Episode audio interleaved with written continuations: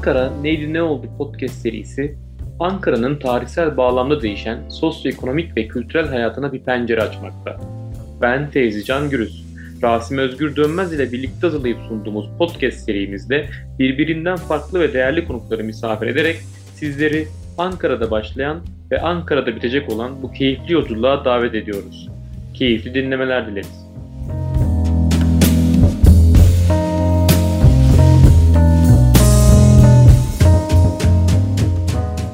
Herkese merhabalar. Ben Feyzi Can Gürüz. Ankara Neydi Ne Oldu podcast serisinde yine Rasim Özgür Dönmez ile birlikteyiz. Bugün yine çok değerli bir konuğumuz var. Akademisyen Bahriye Çeri hocamız bizlerle birlikte olacak. Aslında kendisiyle beraber bir ismi daha konuk etmiş olacağız. Edebiyatımız ve Ankara için çok önemli bir isim olan Nahit Sırrı Örik bizlerle birlikte olacak. Bahri hocamızın eşliğinde. Bahri hocamızla birlikte Nait Sırrı Örik'i ve Ankara şehrini konuşacağız. Bahri hocamız Nait Sırrı Örik konusunda çok değerli, çok kıymetli çalışmalar üreten bir isim. Belki de bu konuda çalışan Türkiye'de bir iki isimden bir tanesi. Ee, kendisiyle beraber e, Nait Sırrı Örik ve Ankara konulu sohbet gerçekleştireceğiz. Bahriye Hocam öncelikle hoş geldiniz. Teşekkür ediyorum. Hocam şöyle bir soru sormak istiyorum birinci soru olarak. Ee, tanımayanlar için, ismi bilmeyenler için Nait Sırrı Örik kimdir hocam? Öncelikle teşekkür etmek istiyorum e, beni böyle bir e, programa konuk aldığınız için ve Nait Sırrı Örik hakkında yaptığım çalışmalar e, için övücü sözler söylediniz. Bunlar için de ayrıca teşekkür etmek isterim. E, aslında Nait Sırrı Örik'i ben den önce e, çalışan ve onu e, işte tanıtmaya yardımcı olan insanlar vardı. Ama Naysır Örik çok yönlü ve çok üretmiş bir yazar olduğu için bu çalışmalar çok az ortaya çıkardı Naysır'ı.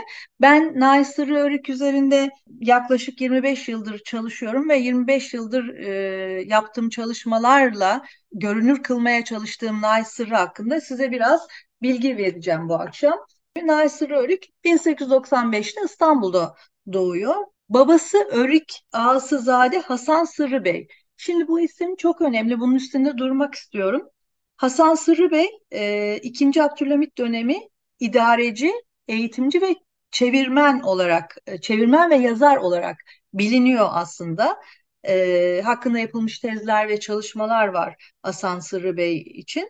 E, Naysır Örik düzenli bir eğitim görmüyor. E, aslında pek çok yaşıtı gibi, e, pek çok tanıdığımız ünlü yazarda olduğu gibi e, evde özel dersler alıyor. Bir dönem mahalle mektebine gidiyor. Daha sonra Beşiktaş'taki Afitabı Marif Rüştiyesi'ne devam ediyor. İkinci meşrutiyetten sonra bir İngiliz ve bir Fransız mektebiyle Galatasaray Lisesi'ne bir müddet devam etse de bunları bitirmiyor. Ee, babasının görevi gereği Anadolu'da pek çok yeri hem de Berlin, Paris, Viyana, Roma, Roma Kopenhag, Tiflis gibi pek çok yeri e, ziyaret ediyor ve buralarda bir müddet yaşıyor Nail Sırrı. E, yurda döndükten sonra kısa bir müddet İstanbul'da Milli Eğitim Bakanlığı Devlet Kitapları Mütedavil Sermayesi Müdürlüğü'nde görev alıyor. Ama bundan sonra Milli Eğitim Bakanlığı'na mütercim olarak göreve başlıyor ve Ankara'ya yerleşiyor. 1945 yılında 45 yılına kadar bu söylediğim görevi 25-45 arasında e, devam ediyor Ankara'daki yani mütercimlik görevi. Sonra 1945 yılında tekrar Devlet Kitapları Mütedavil Sermayesi Müdürlüğü'ne getirilerek İstanbul'a dönüyor ve 1960 yılında ölümüne kadar İstanbul'da yaşıyor. Naysır Örin e, şiir hariç e, bütün edebi türlerde roman, öykü, tiyatro, e, hatıra gibi e, eserleri var. Bunlar içerisinde en çok bilinen e, iki romanı Sultan Abdülhamit Düşerken ve Kıskanmak. E, her ikisi de belki de filme aktarıldığı için e, çok biliniyor, tanınıyor. Ama onun dışında e, çok başka eserleri var. Mesela işte birazdan e, konu alacağımız, işleyeceğimiz, e, üzerine duracağımız Tersine Giden Yol romanı bana göre e, nefis bir roman. Tiyatro eserleri var. Tiyatro eserlerinin bir kısmı e, sahneleniyor. Çok az bir kısmı sahnelenmiyor. Radyo oyunları var. e, gezi yazıları var. Mesela Kayseri, Kırşehir, Kastamonu üzerine gezi yazıları var. Anadolu'da Yol Notları adlı bir eseri var. Edirne üzerine e, gezi yazısı var, gezi kitabı var. Bütün bunların dışında aslında benim en çok çalışarak üzerinde durmaya çalıştığım Nice Sırrı'nın gazete ve dergi sayfalarında kalmış binlerce yazısı var. Bu yazılar e, çok çeşitli konularda e, işte resimle ilgili yazıları var. Mesela e, gezdiği bütün sanat galerilerini, sergileri, müzeleri, e, müzeleri ve buradaki e, resimleri anlatıyor. Hem de e, tıpkı bir sanat tarihçisi gibi. Ya da müzik üzerine yazıları var. Bir müzikolog gibi bu e, yazıları okuyabilirsiniz ve ciddi bir kitap olabilir. Türk sinema tarihi hakkında çok ciddi yazıları var. Kent, şehir yazıları var. İşte benim kitaplaştırdığım İstanbul üzerine, Ankara üzerine, mesela Bursa üzerine e, gezi yazılarının dışında. Bu söylediklerimden sizin de çıkarım yapacağınız gibi çok enteresan, çok yönlü, e, çok kültürlü e, ve ilgi alanlı çok geniş bir e, yazar Naysır Rörik. E, ve bugüne kadar genellikle biraz önce söylediğim gibi çok bilinen romanları ve birkaç tiyatro eseri dışında da e, üzerinde durulmamış. Yani hala e, elinize attığınız bir gazetede ya da elinize attığınız bir dergide yayınlanmamış bir eserine rastlayabiliyorsunuz. Bu bazen kurmaca da olabilir, bir öykü gibi. Benim bahsettiğim yazılar da olabilir, e, yazılardan biri de olabilir. E, bu şeyden mi kaynaklanıyor? Nasır Örik bir yazar network'üne çok fazla dahil birisi değil galiba değil mi? Soylu bir aileden geliyor ama evet. bir şekilde daha bireysel birisi mi? Yani o soruyu ben size sormak istiyorum.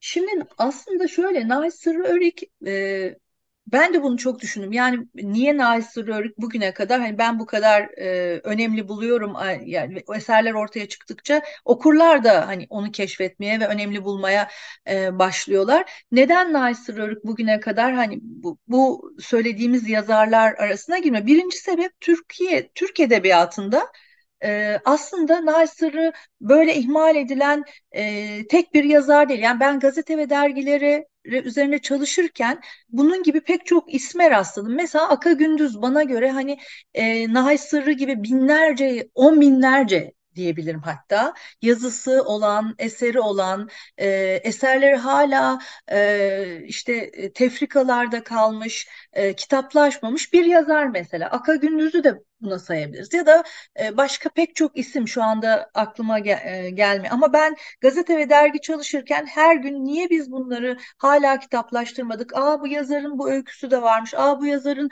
bu roman tefrikası da varmış diyerek inanın helak oluyorum. Bazen şey kendimi şöyle şartlandırıyorum. Başka yazarın yazısına, başka yazarın öyküsüne bakmayacağım. Sadece Nail Sırrı'ya bakacağım. Yoksa vakit kaybediyorum, para, parçalanıyorum ve e, zaman zamanım yetmiyor diye hayıflandığım çok olmuştur kütüphanelerde çalışırken. İkinci sebep alt planda yatan sebep bir e, Naysır'ı e, bir kere çok sivri dilli bir yazar. Yani çok sert eleştiriler yapıyor. Bu eleştirileri yani bir siyasi görüşe ne bileyim bir gruba dahil olması veya olmamasından kaynaklanmıyor. Yani diyelim ki e, o dönem işte Ankara'da belli çevrelere yakın bir yazar ama ona rağmen o çevrelerin yaptığı e, icraatı da çok e, ciddi eleştirebiliyor. Bu durumda herkes e, kendisine bir eleştiri görüp bu e, yazarı ve bunu, onun yazdıklarını sahiplenmekten geri duruyor. Çok sert, sivri dilli ve e, nasıl söyleyeyim e, romantik değil Naysır'ı. Çok realist, pragmatist ne gördüyse söylüyor. E, ve o yüzden de biraz dışlanıyor. Bir şekilde grupların dışında kalıyor. Bu da ikinci sebep e, Naysır'ın hani bugüne kadar e, ihmal edilmesinin e, bence ikinci sebebi. Şimdi ben e, sizin bu güzel kitabınız e, Night Rörik Ankara yazıları, Everest deneme e, bunu ilk okuduğumda çok heyecanlandım. Çünkü bu son dönemlerde bayağı Ankara ile ilgili kitaplar okuyorum. Niye geliyor hocam The Night Rörik Ankara'ya? E, ondan biraz bahseder misiniz? Şimdi Night Rörik e, aslında bir yani yurt dışından döndükten sonra benim e, okuduğum kadarıyla yani yazılarından e, gördüğüm kadarıyla bir geçim derdinde. Çünkü e, Osmanlı Osmanlı'nın son döneminde yetişmiş, iyi yetişmiş aydınlar için yapacak Cumhuriyet'in ilk yıllarında hele de yurt dışından döndüğünde yapacak bir şey yok. Bu insanlar tersine giden yol romanının kahramanı Cezmi için söyleniyor. Bu insanların yapabileceği şey sadece tercüme olarak görülüyor. Çünkü iyi yabancı dil biliyorlar, yurt dışında yaşamışlar, yurt dışında yaşamasalar da muhakkak bir yabancı dil, özellikle Fransızca öğrenmişler. O dönemde çevirmen olmak, onlar için mütercim olmak en kolay geçinme yolu olarak gözüküyor. Ben, bu söylediklerim tırnak içinde aslında Naysır Örük tersine giden yol romanında anlatıyor ve söylüyor. Buna yakın, yakın cümleler söylüyor. E, Naysır Örük de yurt dışından geldikten sonra Milli Eğitim Bakanlığı'na mütercim olarak atanıyor. Şimdi bu mütercimlik Naysır Örük'ün e, hayatında çok önemli bir rol oynuyor. Birincisi Ankara'da uzun yıllar kalıyor ve Ankara'yı gerçekten seviyor Naysır'ı. Ankara'da yaşayan pek çok yazarın İstanbul'a yani pek çok yazarın değil Ankara'ya iş için gelmiş pek çok insanın aslında İstanbul'a dönmek, İstanbul'a tatillerde gitmek için can attığı bir dönemde Naysır Örük Ankara'ya gerçekten seviyor. Ankara'yı köy köy, kasaba kasaba geziyor. Ankara'nın halkıyla e, oturup halkıyla nasıl söyleyeyim onlar gibi yaşayıp onlar gibi e, hayata bakarak bir takım şeyler yazıyor, bir takım şeyler kalem alıyor ve Ankara'da yapılması gerekenleri de bu yaşadıkları tecrübelerden yola çıkarak hiç çekinmeden e, e, hiç kimseyi inciteceğini, hiçbir yere e, dokunacağını düşünmeden çok net bir şekilde yazıyor. Yapılması gerekenleri ya da yapılmayanları, eleştirilerini.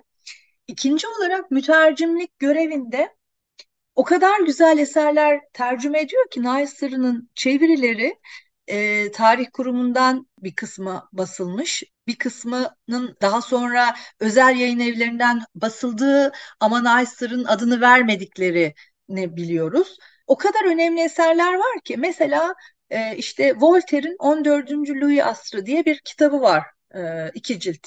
Ya da Balzac'ın Bilinmeyen Şaheser diye bir nefis bir eseri var resim sanatı üzerine onu ilk defa çevirmiş. Başka önemli olarak söyleyebileceğim mesela Pierre Benoit'dan Gece Yarısı Güneşini çevirmiş ki o dönem için çok önemli. Antoine Galland'ın İstanbul'a ait günlük hatıralarını çevirmiş. Albert Sorel'in Avrupa ve Fransız ihtilalini çevirmiş e, gibi.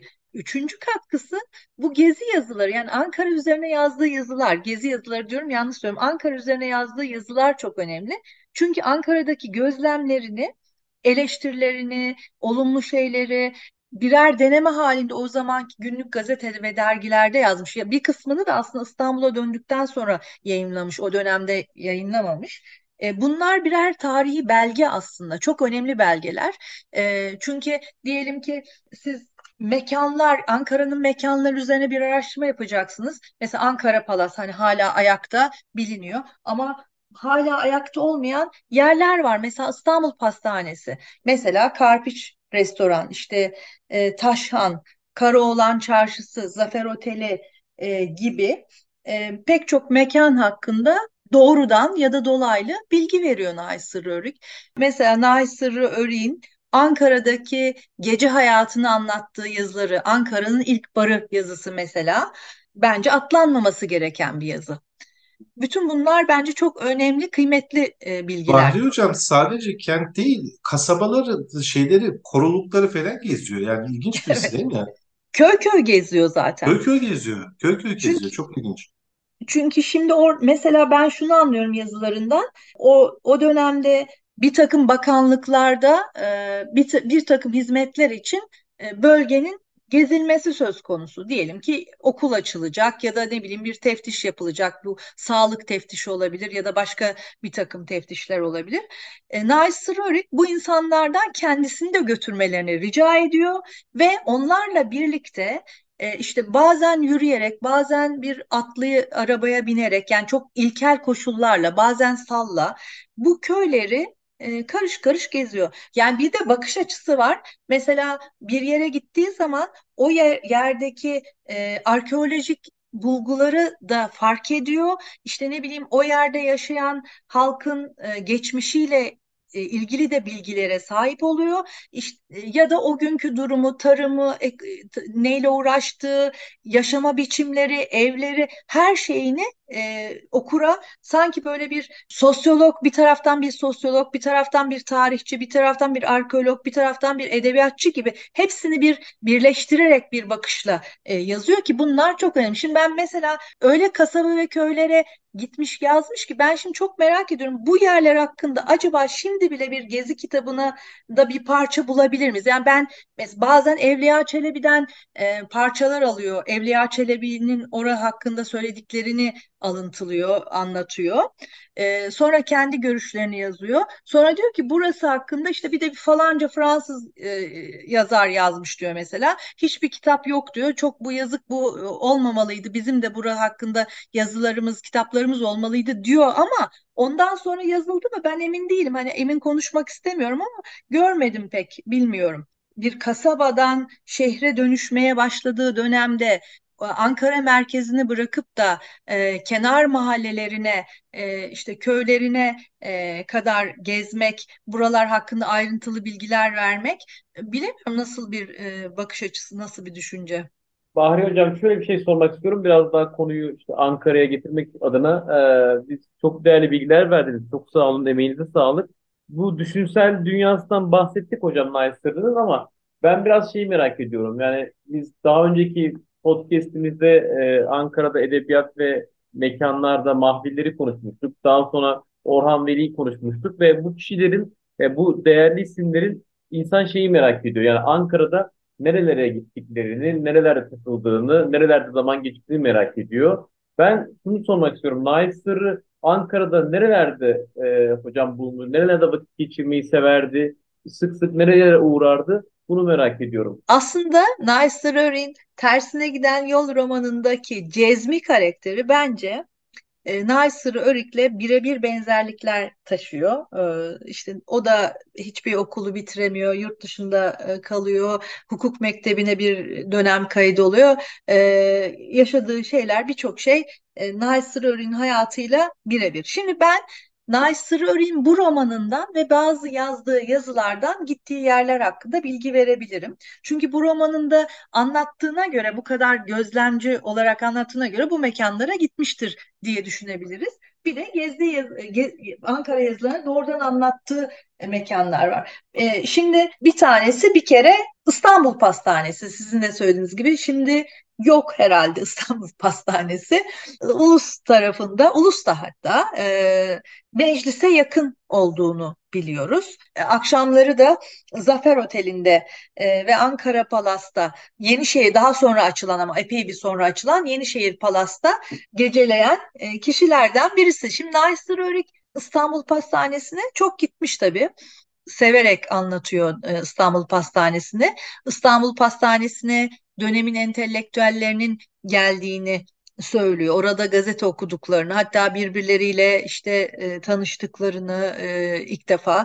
Bazı yazarların, e, bazı şairlerin ilk eserlerini orada bulunan kişilere okuduklarını, tartıştıklarını anlatıyor.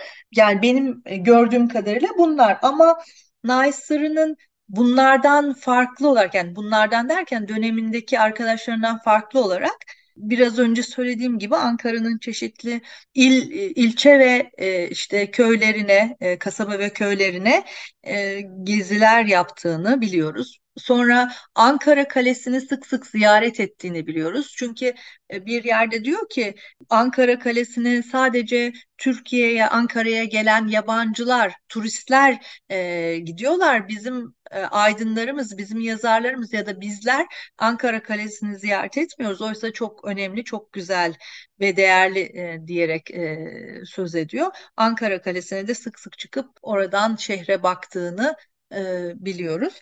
Zaten ilk önce e, yine Ulus'a yakın bir Ermeni mahallesinde biraz önce söylediğim gibi bir e, bir pansiyonda kaldığını e, biliyoruz. E, sonra Keçiören e, bağlarını ziyaret ettiğini biliyoruz. E, işte Etlik, Dikmen, oralardaki bağlardan ve bağ evlerinden çok bahsediyor. Yani bunlar benim e, gördüğüm kadarıyla e, Ankara'da gezdiği yerler ama isterseniz e, şeye de gireyim. O dönemde Ankara'nın yapılaşmasında e, ki görüşleri ve Cansen planına da eleştirileri çok var Naysır'ın. E, şimdi mesela Naysır'ı sürekli olarak diyor ki neden bakanlıklar ve devlet binaları daha doğrusu bakanlıklar demiyor da resmi binalar, devlet binaları neden kalenin etrafında yapılandırılmamış? Ona göre işte kalenin etrafında devlet binaları olmalıydı. Ondan kalenin eteklerinde de yerleşime açılmalıydı. Yerleşim yani yerleşim bu kadar dağınık olmamalıydı. E, Cansen planına şiddetle karşı Cansen'in Ankara'yı, Anadolu'yu, Türkiye'yi, Türk halkını tanımıyor olması. Yani o diyor ki e, dışarıdan getirildiği için e, dışarıdan geldiği için Ankara'da e, ruhu anlamadığı için böyle bir plan öngörmüş ama ona Ankara'da biraz yaşasaydı Ankara'da biraz kalsaydı o zaman plan böyle olmaz diyor ve Cansen plana şiddetle karşı çıkıyor özetle. Böyle. Hocam peki Ankaralılar hakkındaki fikri Yani onunla ilgili bir görüşünüz var mı? Ya böyle bir şey rastladınız mı?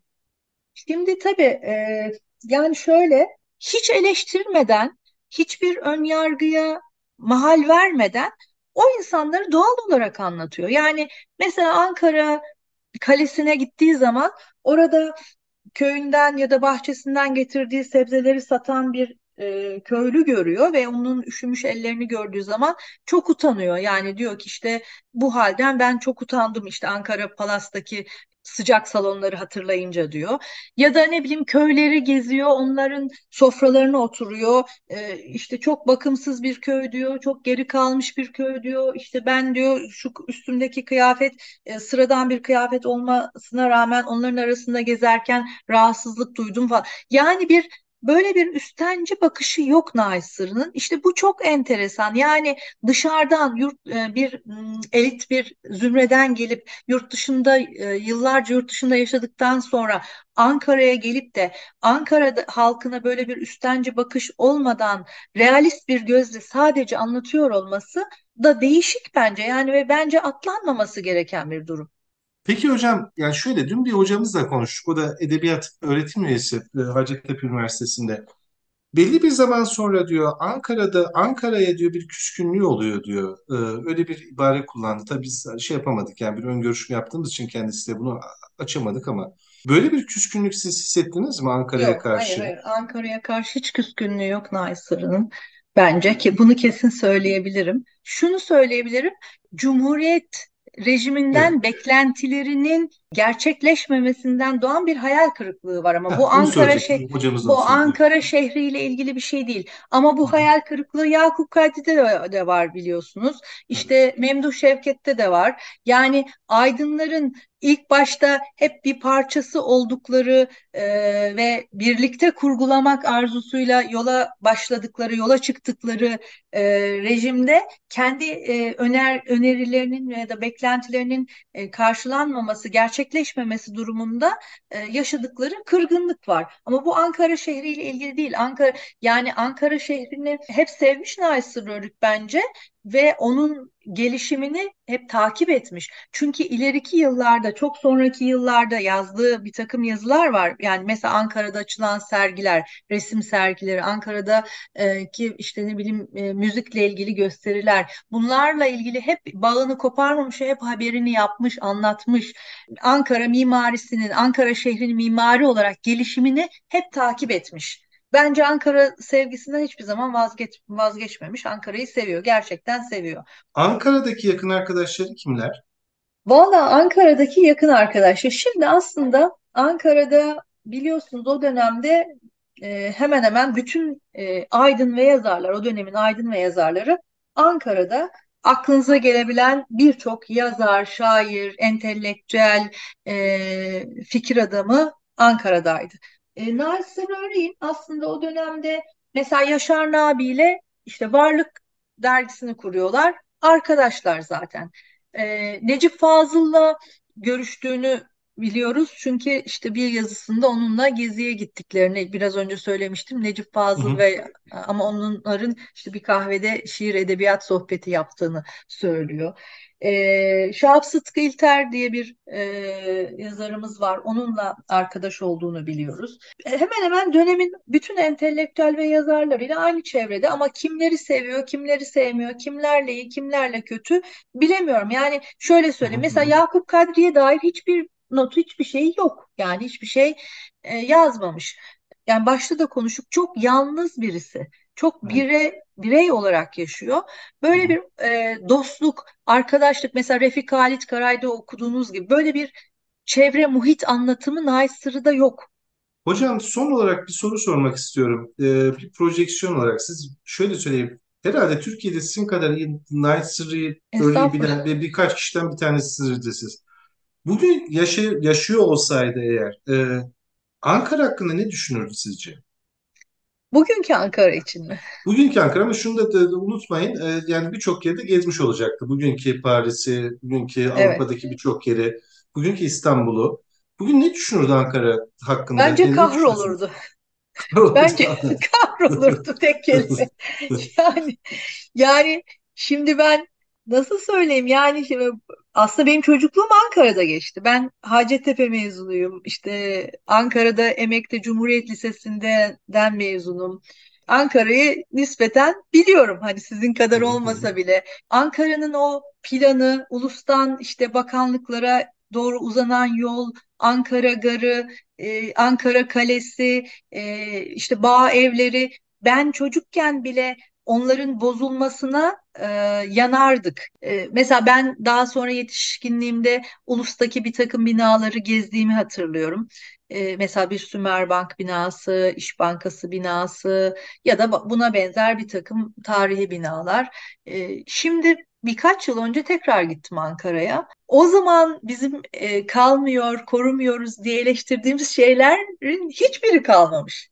E, sonra o sonradan açılan bir takım köprüler, kavşaklar, yollar yani Ankara'nın o görünümünü bozmuş. Yani eskiden bir noktadan baktığınızda mesela e, ulustan bakanlıklara kadar yol açıktı ve böyle görürdünüz hani e, bir meşhur Hitit heykelinin olduğu noktadan düşünün böyle hani bakanlıkları görürdünüz. Hizmet sunulacak diye e, açılan kavşaklar, yollar o silüeti tamamen yok etmiş. Ha bir silüet yok edilirken yeni bir silüet oluşturulabilir elbette ama silüetsizlik bence hani böyle başka Avrupa şehirleriyle karşılaştırmıyorum. Bakın kendi çocukluğumda Evet. Yaşadığım Ankara ile karşılaştırıyorum. Hani doğayı korumamak, ağaçları yok etmek, yeşil alanı bırakmamak, işte e, çok katlı binalarla işte bir takım şeyleri yok etmek bunlar değil benim söylediğim. Mesela kalenin görünümü ya da o tarihi binaların korunumu, e, konumu, işte e, hukuk fakültesi, dil tarih, coğrafya fakültesi bütün bunların etrafının açılması, bütün bunlar tamamen yok olmuş. Yani artık hiç e, fark edilemeyecek bir e, görünüme girmiş. Yani herhalde kahrolurdu diye düşünüyorum. Yani ne şimdi Cansen planını ve ilk zamanda yapılanları eleştiriyor da şimdi neyi eleştirecek, neresinden tutacak onu bilemiyorum yani. Hani. Üç aşağı beş yukarı aynı şeyleri düşünüyoruz. Ee, Ankara'nın şehir bölge planlaması değişti. Yani o dönemler tek bir merkez vardı. Sonra işte Yenişehir'le beraber ikinci bir merkez oluştu. Bu çoklu merkezler var. Bu çoklu merkezlerde de bir sürü yeni binalar var. Mesela Ulusferen bir dönem, şu anda Kızılay bence öyle. Çankaya e, maalesef öyle. Mekruh bir hale gelmişti. Şimdi Ulus Allah'a şükür şey yapıyorlar. Yeniden e, ne diyelim renove ediyorlar. E, o anlamda çok güzel bir yer oldu. E, oluyor ve olacak da bana kalırsa Ulus. Yavaş yavaş oralara doğru gideceğini ben düşünüyorum. E, ama yani siz söylediklerinize katılmamak mümkün değil. Mesela o yeni yerleşim yerlerini ben hiçbirisine sevmiyorum. Çünkü şey e, bir ruh yok onlarda. Yani bir şey yok. Kentte olduğunuzu anlamıyorsunuz. Yani bir sürü bloklar, bir sürü AVM'ler. E, o yüzden size katılmamak mümkün değil yani. Veya işte Night Örek yaşıyor olsaydı ona katılmamak mümkün e, değildi. Öyle diyeyim ben. E, Bahri Hocam çok teşekkür ediyoruz. Gerçekten yani e, çok keyif alarak dinledik. E, Ben yani icap ettiğiniz davetimize çok teşekkür ediyoruz. Çok sağ olun. Rica ederim. Ben teşekkür ediyorum. Çok keyifliydi benim için de. Nice anlatın deyince beni durduramazsınız. Yok çok da gerçekten öyle.